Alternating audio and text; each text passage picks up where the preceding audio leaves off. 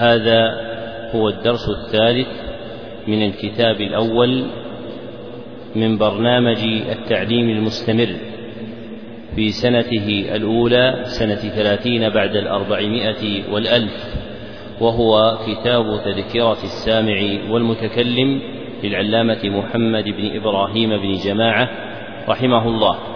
وقد انتهى بنا القول إلى قوله رحمه الله تعالى فصل واعلم أن جميع ما ذكر من فضيلة العلم والعلماء. اقرأ محمد.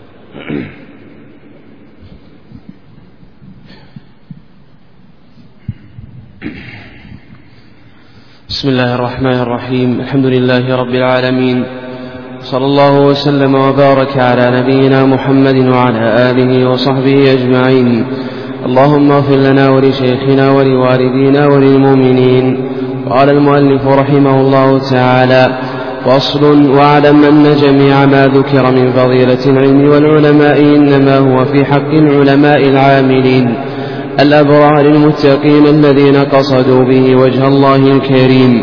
والزلفى لديه في جنات النعيم لا من طلبه بسوء نية أو خوف طوية أو لأغراض دنيوية من جاه أو مال أو مكاثرة في الأتباع والطلاب. فقد روي عن النبي صلى الله عليه وسلم من طلب العلم ليماري به السفهاء أو يكاثر به العلماء أو يصرف به وجوه الناس إليه أدخله الله النار. أخرجه الترمذي. وعنه صلى الله عليه وسلم من تعلم علما لغير الله أو أراد به غير وجه الله فليتبوأ مقعده من النار. رواه الترمذي. وروي من تعلم علما مما يبتغى به وجه الله لا يتعلمه إلا ليصيب به غرع عرضا من الدنيا لم يجد عرف الجنة يوم القيامة. أخرجه أبو داود. وعن أبي هريرة رضي الله عنه عن النبي صلى الله عليه وسلم قال إن أول الناس يقرأ عليه يوم القيامة وذكر الثلاثة. وفيه رجل تعلم العلم وعلمه وقرأ القرآن فأتي به فعرفه نعمه فعرفها قال فما عملت فيها؟ قال تعلمت فيك العلم وعلمته وقرأت فيك القرآن. قال كذبت لكن تعلمت ليقال عالم. وقرأت ليقال قارئ. فقد قيل ثم أمر به فسحب على وجهه حتى ألقي في النار. أخرجه مسلم والنسائي. وعن حماد بن سلمة من طلب الحديث لغير الله تعالى مكر به. وعن بشر أوحى الله تعالى إلى داود لا تجعل بيني وبينك عالما مفتونا فيصدك بسكره عن محبتي. أولئك قطاع الطريق على عبادي. لما فرغ المصنف رحمه الله تعالى من سياق الآية والأحاديث والآثار الدالة على فضل العلم والعلماء عقد فصلا أرشد فيه إلى أن هذه الفضيلة مختصة بالعلماء العاملين الأبرار المتقين الذين قصدوا به وجه الله الكريم إلى آخر ما ذكر. وظاهر كلامه يوهم أن الفضائل المذكورة مختصة بالعلماء دون المتعلمين لقوله إنما هو في حق العلماء العاملين الأبرار المتقين إلى آخر كلامه. والمحقق أن الأجور والفضائل المذكورة إنما تحصل للعبد بشرطين اثنين. أحدهما يتعلق بما يطلب وهو أن يكون من علم الشريعة فإن الفضائل المذكورة والمناقب المأثورة التي تقدمت إنما تختص بعلم الشريعة وهو العلم الذي نزل على النبي صلى الله عليه وسلم وما دار في فلكه ملحق به فأصل العلوم هو علم القرآن والسنة وما كان خادما لها فهو ملحق بها وما كان أجنبيا عنها فهو ممنوع منها. والثاني شرط يتعلق بقصد الطالب نفسه وهو أن يكون الحامل له على طلب العلم ابتغاء وجه الله عز وجل. لا يريد بذلك شيئا من أعراض الدنيا ولا أغراضها. فمتى وجد الشرطان المذكوران فإن الفضائل السابقة متحققة في حق هذا العبد الذي يطلب شيئا من علم الشريعة قاصدا وجه الله سبحانه وتعالى. فله تلك الفضائل دون غيره. وقد ذكر المصنف رحمه الله تعالى في الباب أحاديث عدة. أولها حديث من طلب العلم ليمال به السفهاء الحديث وعزاه إلى الترمذي. والثاني حديث من تعلم علما لغير الله الحديث وعزاه إلى الترمذي أيضا. وهذان حديثان ضعيفان. ثم أتبعهما بحديث ثالث صدره بقوله وروي وعزاه إلى أبي داود وقد أخرجه ابن ماجه أيضا من الستة وإسناده حسن. وروي ليست موضوعة عند أهل العلم للدلالة على ضعف الحديث فقط كما شهر عند المتأخرين بل ربما أرادوا بها تعداد المروي أو ذكره كما يفعل ذلك أبو عيسى الترمذي فإنه إذا ذكر في الباب حديثا قال متبعا له شواهده قال وروي عن أبي هريرة وعائشة وابن عمر وأمثال هذا في كلام أبي عيسى الترمذي كثيرة وقد يريدون بذلك ذكر المروي كما فعل المصنف ها هنا فإنه قال وروي من تعلم علما أراد بذلك ذكر المروي. وهذا الحديث الحسن وهو قوله صلى الله عليه وسلم من تعلم علما مما يبتغى به وجه الله لا يتعلمه إلا ليصيب به عرضا من الدنيا لم يجد عرف الجنة يوم القيامة. فيه بيان عقوبة من تعلم شيئا من علوم الشريعة وهي علوم الآخرة وقصده بها غير وجه الله بل يقصد إصابة عرض من أعراض الدنيا فعقوبته عدم وجدان عرف الجنة أي رائحتها يوم القيامة. وهذا من أحاديث الوعيد وقاعدة أهل السنة والجماعة فيها التحديث بها لإرادة التخويف والتحذير ولا سيما في مثل مقامات تأديب النفوس وتهذيبها ومن ذلك هذا الكتاب. ثم أتبعه بحديث رابع وهو حديث أبي هريرة. عن النبي صلى الله عليه وسلم إن أول الناس يقضى عليه يوم القيامة.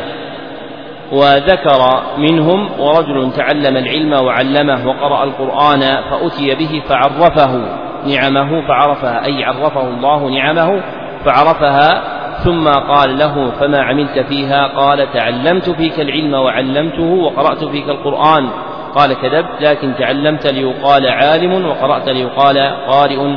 فقد قيل ثم أمر به فسحب على وجهه حتى ألقي في النار.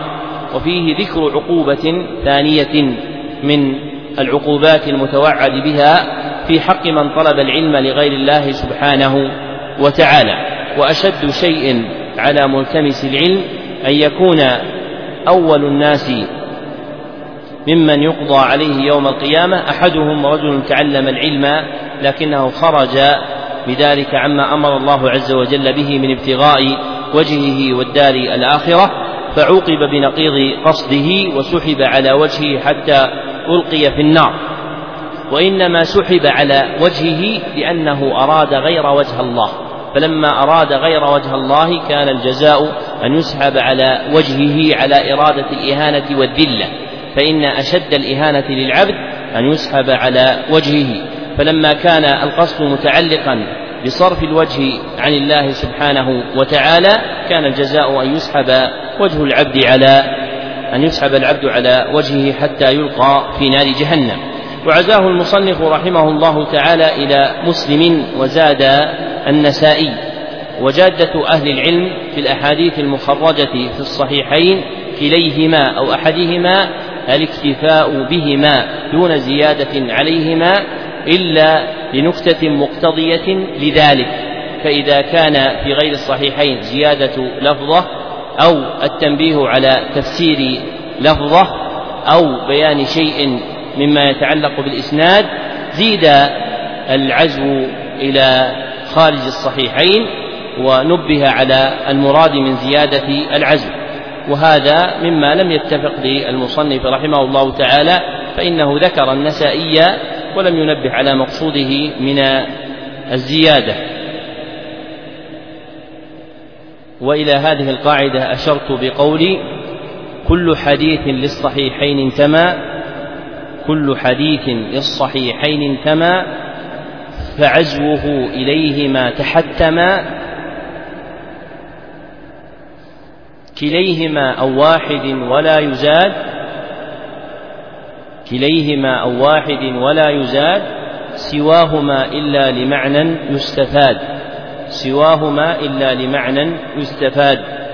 ومن أدمن النظر في تصرفات أهل العلم وجد ذلك وانظر في تصرفات الحافظ بن حجر في بلوغ المرام تجد صدق ما ذكرت لك.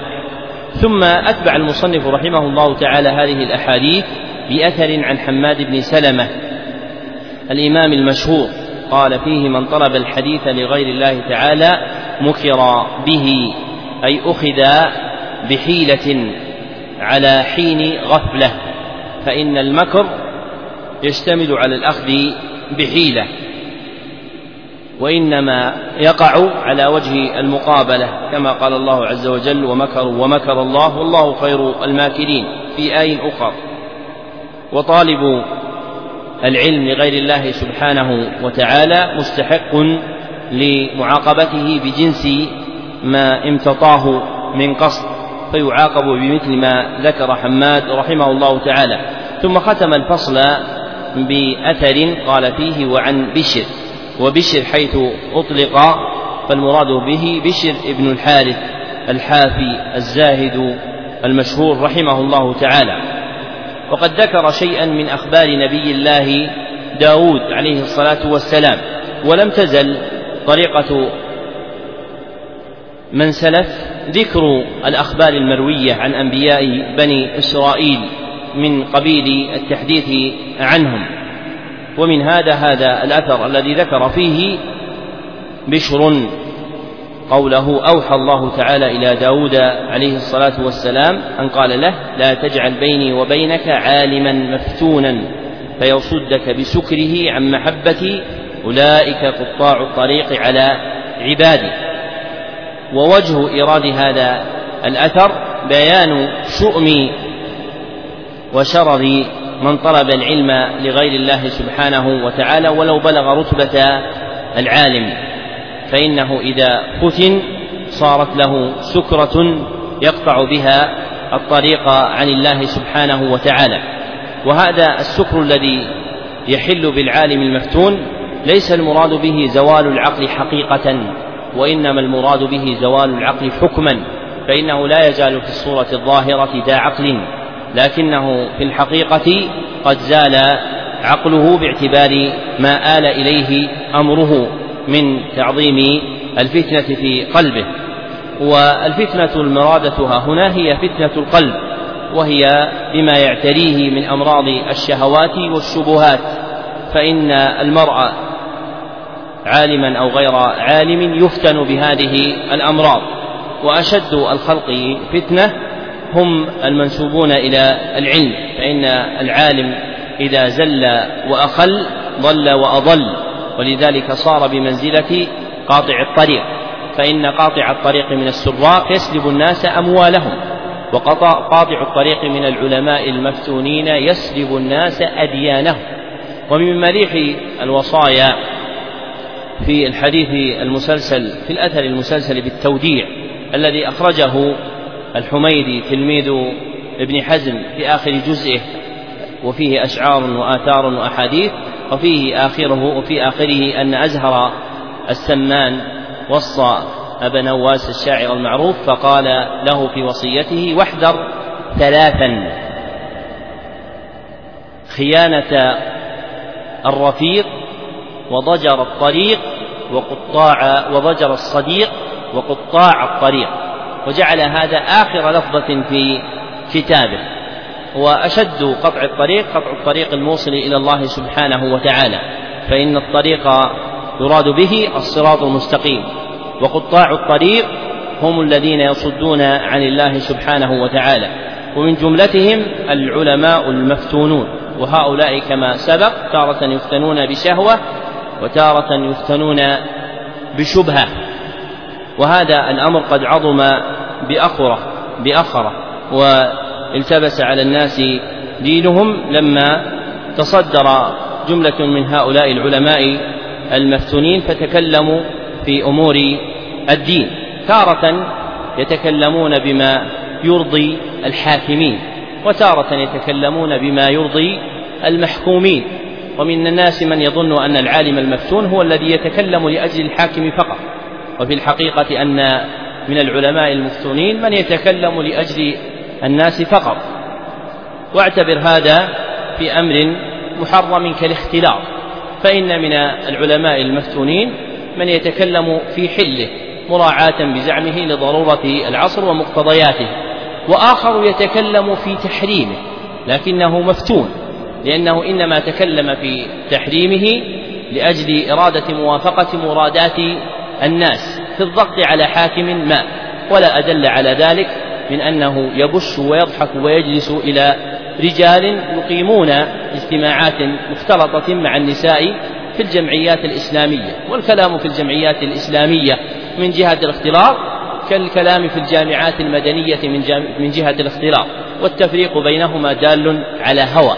فينبغي أن يعرف طالب العلم خاصة ضرر العلماء المفتونين وأنه ليس مناط الفتنة الدوران مع الحاكم بل من أعظم الفتنة في زماننا هذا الدوران مع المحكومين أيضا بما يسمى بالرأي العام والخيار الشعبي والنمط الديمقراطي وغير ذلك من منظومة الكلام المعروفة في هذا الباب. والنجاة من هذا أن يراقب الإنسان ربه دائما ولا يلتفت إلى أحد من الحكام ولا أحد من المحكومين. فإن الله سبحانه وتعالى سيقيمه ويسأله.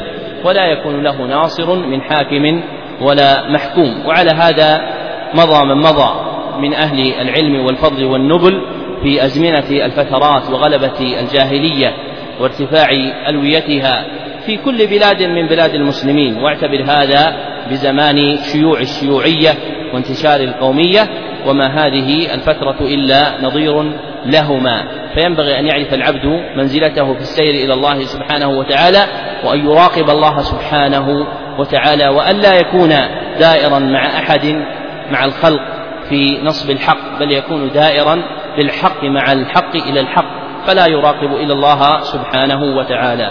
نعم. صلى الله عليكم. الباب الثاني في أدب العالم في نفسه ومراعاة طالبه ودرسه وفيه ثلاثة فصول تقدم هذا الباب بترجمة أخرى. فقد سبق أن المصنف لما سرد أبواب هذا الكتاب وعد الباب الثاني قال الباب الثاني في آداب العالم في نفسه ومع طلبته ودرسه. والتراجم التي قدمها المصنف رحمه الله تعالى في ديباجة الكتاب أفضل من التراجم التي نثرها في أثنائه. وابن جماعة كان معدودا من العلماء المبرزين في العقليات وجادة العقل تقتضي دوام السلوك على من انتهجه المرء. فإذا ذكر الإنسان في ديباجة كتابه شيئا فينبغي له أن يلتزمه في أثنائه. لكن حكم الله عز وجل على المخلوق بالسهو والنسيان والنقص يوقع في مثل هذا. نعم. صلى الله عليكم الفصل الأول في آدابه في نفسه وهو اثنا عشر نوعا. النوع الأول دوام مراقبة الله تعالى في السر والعلانية والمحافظة على خوفه في جميع حركاته وسكناته وأقواله وأفعاله فإنه أمين على ما أودع من العلوم وما منح من الحواس والفهوم. قال الله تعالى لا تخونوا الله والرسول وتخونوا أماناتكم وأنتم تعلمون وقال تعالى بما استحفظوا من كتاب الله وكانوا عليه شهداء. فلا تخشوا الناس واخشون. قال الشافعي ليس العلم ما حفظ العلم ما نفع. ومن ذلك دوام السكينة والوقار والخشوع والورع والتواضع لله والخضوع.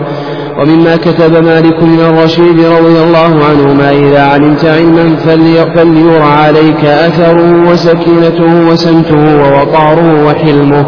لقوله صلى الله عليه وسلم العلماء ورثة الأنبياء. وقال عمر رضي الله عنه تعلموا العلم وتعلموا له السكينة والوقار. وعن السلف حق على العالم أن يتواضع لله في سره وعلانيته ويحترس من نفسه ويقف عما أشكل عليه. لما بين المصنف رحمه الله تعالى أن هذا الباب ينتظم فيه ثلاثة فصول شرع يبين ما يتعلق بالفصل الأول وهو الآداب التي تتعلق بالعالم في نفسه وقد جعلها اثنا عشر نوعا. أولها دوام مراقبة الله تعالى في السر والعلانية والمقصود بمراقبة الله ملاحظته عز وجل التي أرشد إليها النبي صلى الله عليه وسلم في حديث جبريل المخرج في الصحيحين من حديث أبي هريرة وفي صحيح مسلم من حديث عمر وفيه أن النبي صلى الله عليه وسلم قال له لما سأله عن الإحسان اعبد الله كأنك تراه فإن لم تكن تراه فإنه يراك. فينبغي أن يجعل العبد مناط قلبه دوام شهود الله سبحانه وتعالى. وإن غبي عليه حال الشهود فليجعل نفسه في منزلة المراقبة وليشهد قلبه أن الله سبحانه وتعالى مطلع عليه شاهد عليه محيط به. فإن القلب متى عمر بهذا المعنى كان العبد مع الله عز وجل وإذا كان العبد مع الله وجد سر الحياة وإذا حبس القلب عن الله سبحانه وتعالى فقد أعظم أسباب حياته فقسي قلبه وكان مآله تليين قلبه بالنار فإن النار لم تجعل إلا لتليين القلوب القاسية. وإن أحق الناس بدوام مراقبة الله سبحانه وتعالى من وهبهم الله عز وجل العلوم وأنواع القدر من الحواس والفهوم فإن ما يتبوأه الإنسان من نعمة يخوض فيها إنما هي أمانة ائتمنه الله سبحانه وتعالى عليها. وقد قال الله عز وجل يا أيها الذين آمنوا لا تخونوا الله والرسول وتخونوا أماناتكم وأنتم تعلمون. ومن الأمانات التي أودعت عندك ما منحك الله سبحانه وتعالى من علم وفهم. فحق القيام بأداء هذه الأمانة بأن تراقب الله سبحانه وتعالى فيها. ومن ذلك قول الله سبحانه وتعالى في ذكر أحبار أهل الكتاب قال بما استحفظوا من كتاب الله وكانوا عليه شهداء فإن الله سبحانه وتعالى وكل حفظ كتابهم إليهم ولكنهم ضيعوه وخانوا أمانة الله سبحانه وتعالى فيه كما قال سفيان بن عيينة رحمه الله تعالى إن الله عز وجل استحفظ أهل الكتاب الكتاب فضيعوه وتكفل بحفظ القرآن فحفظه ثم قرأ قول الله سبحانه وتعالى بما استحفظوا من كتاب الله وكانوا عليه شهداء وقرأ قول الله عز وجل إنا نحن نزلنا الذكر وإنا له لحافظون فكتاب أهل الكتاب وكل إليهم حفظه فأضاعوه هو كتابنا نحن أهل الإسلام تكفل الله سبحانه وتعالى بحفظه فلا يزال محفوظا حتى يرفع من الأرض. ثم ذكر المصنف رحمه الله تعالى قول الشافعي ليس العلم ما حفظ العلم ما نفع أي ما أثمر في قلبك خشية الله سبحانه وتعالى. ونظير هذا ما صح عن ابن مسعود رضي الله عنه أنه قال العلم خشية الله. وذكر الخطيب البغدادي رحمه الله تعالى في ترجمة معروف أنه ذكر عند أحمد فقال له ابنه عبد الله إنه كان قليل العلم فقال الإمام أحمد وهل يراد من العلم إلا ما كان عند معروف؟ وقال في رواية كان معه أصل العلم خشية الله فالمراد من العلم ما نفعك وقربك إلى الله سبحانه وتعالى.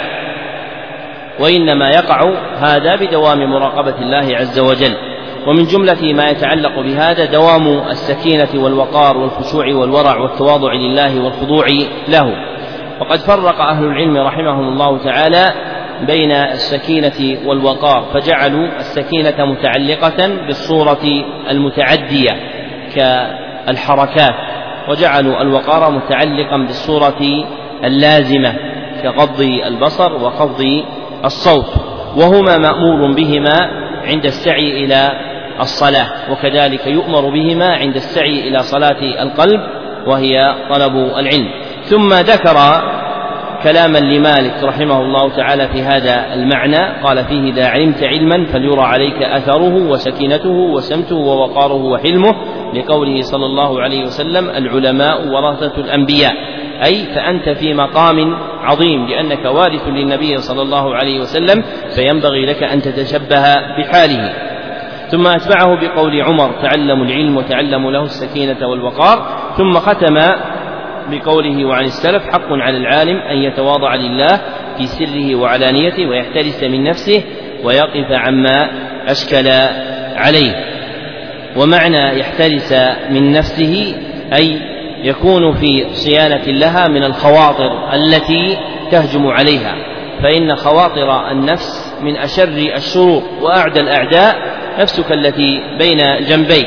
ومن مقامات صيانة القلب حراسته من الخواطر التي تعرض له فمتى استقرت فيه أضرت به. نعم. صلى الله عليكم الثاني أن يصون العلم كما صانه علماء السلف. ويقوم له بما جعله الله تعالى له من العزة والشرف فلا يذله بذهابه ومشيه إلى غير أهله من أبناء الدنيا من غير ضرورة أو حاجة أو إلى من يتعلمه منه منه أو, من أو إلى من يتعلمه منه منهم وإن عظم شأنه وبرع قدره. قال الزهري هوان بالعلم أن يحمله العالم إلى بيت المتعلم. وأحاديث السلف في هذا النوع كثيرة. وقد أحسن القائل وهو القاضي أبو الحسن الجرجاني ولم أبتذل في خدمة العلم مهجتي لأخدم من لاقيت لكن لأخدما أأشقى به غرسا وأجنيه ذلة إذا فاتباع الجهل قد كان أحزما. ولو أن أهل العلم صانوه صانهم ولو عظموه في النفوس لعظما. ولو عظموه في النفوس لعظما. ف... ولو عظموه في النفوس لعظما. فإن دعت حاجة إلى ذلك أو ضرورة أو اقتضته مصلحة دينية راجحة على مفسدة على مفسدة بذله وحس على مفسدة بذله وحسنت فيه نية صالحة فلا بأس به إن شاء الله تعالى. وعلى هذا يحمل ما جاء عن بعض أئمة السلف من المشي إلى الملوك وولاة الأمر كالزهري والشافعي وغيرهما. لا على أنهم قصدوا بذلك فضول الأغراض الدنيوية. وكذلك إذا كان المأتي إليه من العلم والزهد في المنزلة, في المنزلة العلية. والمحل الرفيع فلا بأس بالتردد إليه لإفادته. فقد كان سفيان الثوري يمشي إلى إبراهيم بن أدهم ويفيده وكان أبو عبيد يمشي إلى علي بن المديني إلى علي بن المديني يسمعه غريب الحديث. ذكر المصنف رحمه الله تعالى نوعا ثانيا من آداب العالم في نفسه هو صيانة العلم والمراد بصيانة العلم حفظه عن كل ما يخالفه وكل من درج من الأفراد في هذا المعنى فالقيام به هو من صيانة العلم. فلا بد أن يجتهد صاحب العلم في حفظه من كل ما يخالفه. ومن جملة ما يخالف العلم حمله إلى غير أهله فإن من إضاعة العلم حمله إلى غير أهله وتعليمه لمن لم يكن له أهلا. وهذا معنى ما ذكره الزهري رحمه الله تعالى. فأورد المصنف رحمه الله تعالى قطعة من القصيدة الشهيرة من رائق الشعر لأبي الحسن علي بن عبد العزيز الجرجاني رحمه الله تعالى. وهي قصيدة مشهورة من أحسن ما نظمه أهل العلم في عزة العلم وصيانته. وأمثل رواياتها الصحيحة ما ذكره السبكي في طبقاته. وأورد بعض متأخري الأدباء سياقا طويلا لها نافع عن خمسين بيتا لكن المعروف في كتب المتقدمين الذين نقلوها إنما هي عشرة أبيات. وفيها ولو أن أهل العلم صانوه صانهم ولو عظموه في النفوس لعظما وقد ذكر السبكي في معيد النعم ومبيد النقم أن الرواية هي بفتح العين وتشديد الضاء مفتوحة وبين أن الشاعر لو قال لعظم لكان أولى لأن العلم في نفسه معظم ولكن المراد تحصيل تعظيمه عند الناس ولكن رواية البيت هو على هذا النسق الذي ذكرت لك وبعده في آخر القصيدة ولكن أهانوه فهان ودنسوا محياه بالأطماع حتى تجهم. وعسى أن يتهيأ جمع أو طباعة الأبيات التي أوردها السبكي وقراءتها في درس قادم إن شاء الله. ثم ذكر بعد ذلك ما يؤذن فيه بحمل العلم إلى المتعلم. وحاصل ما ذكره المصنف رحمه الله تعالى أن حمل العلم إلى المتعلم يكون بشرطين اثنين. أولهما وجود حاجة أو ضرورة داعية أو مصلحة مقتضية.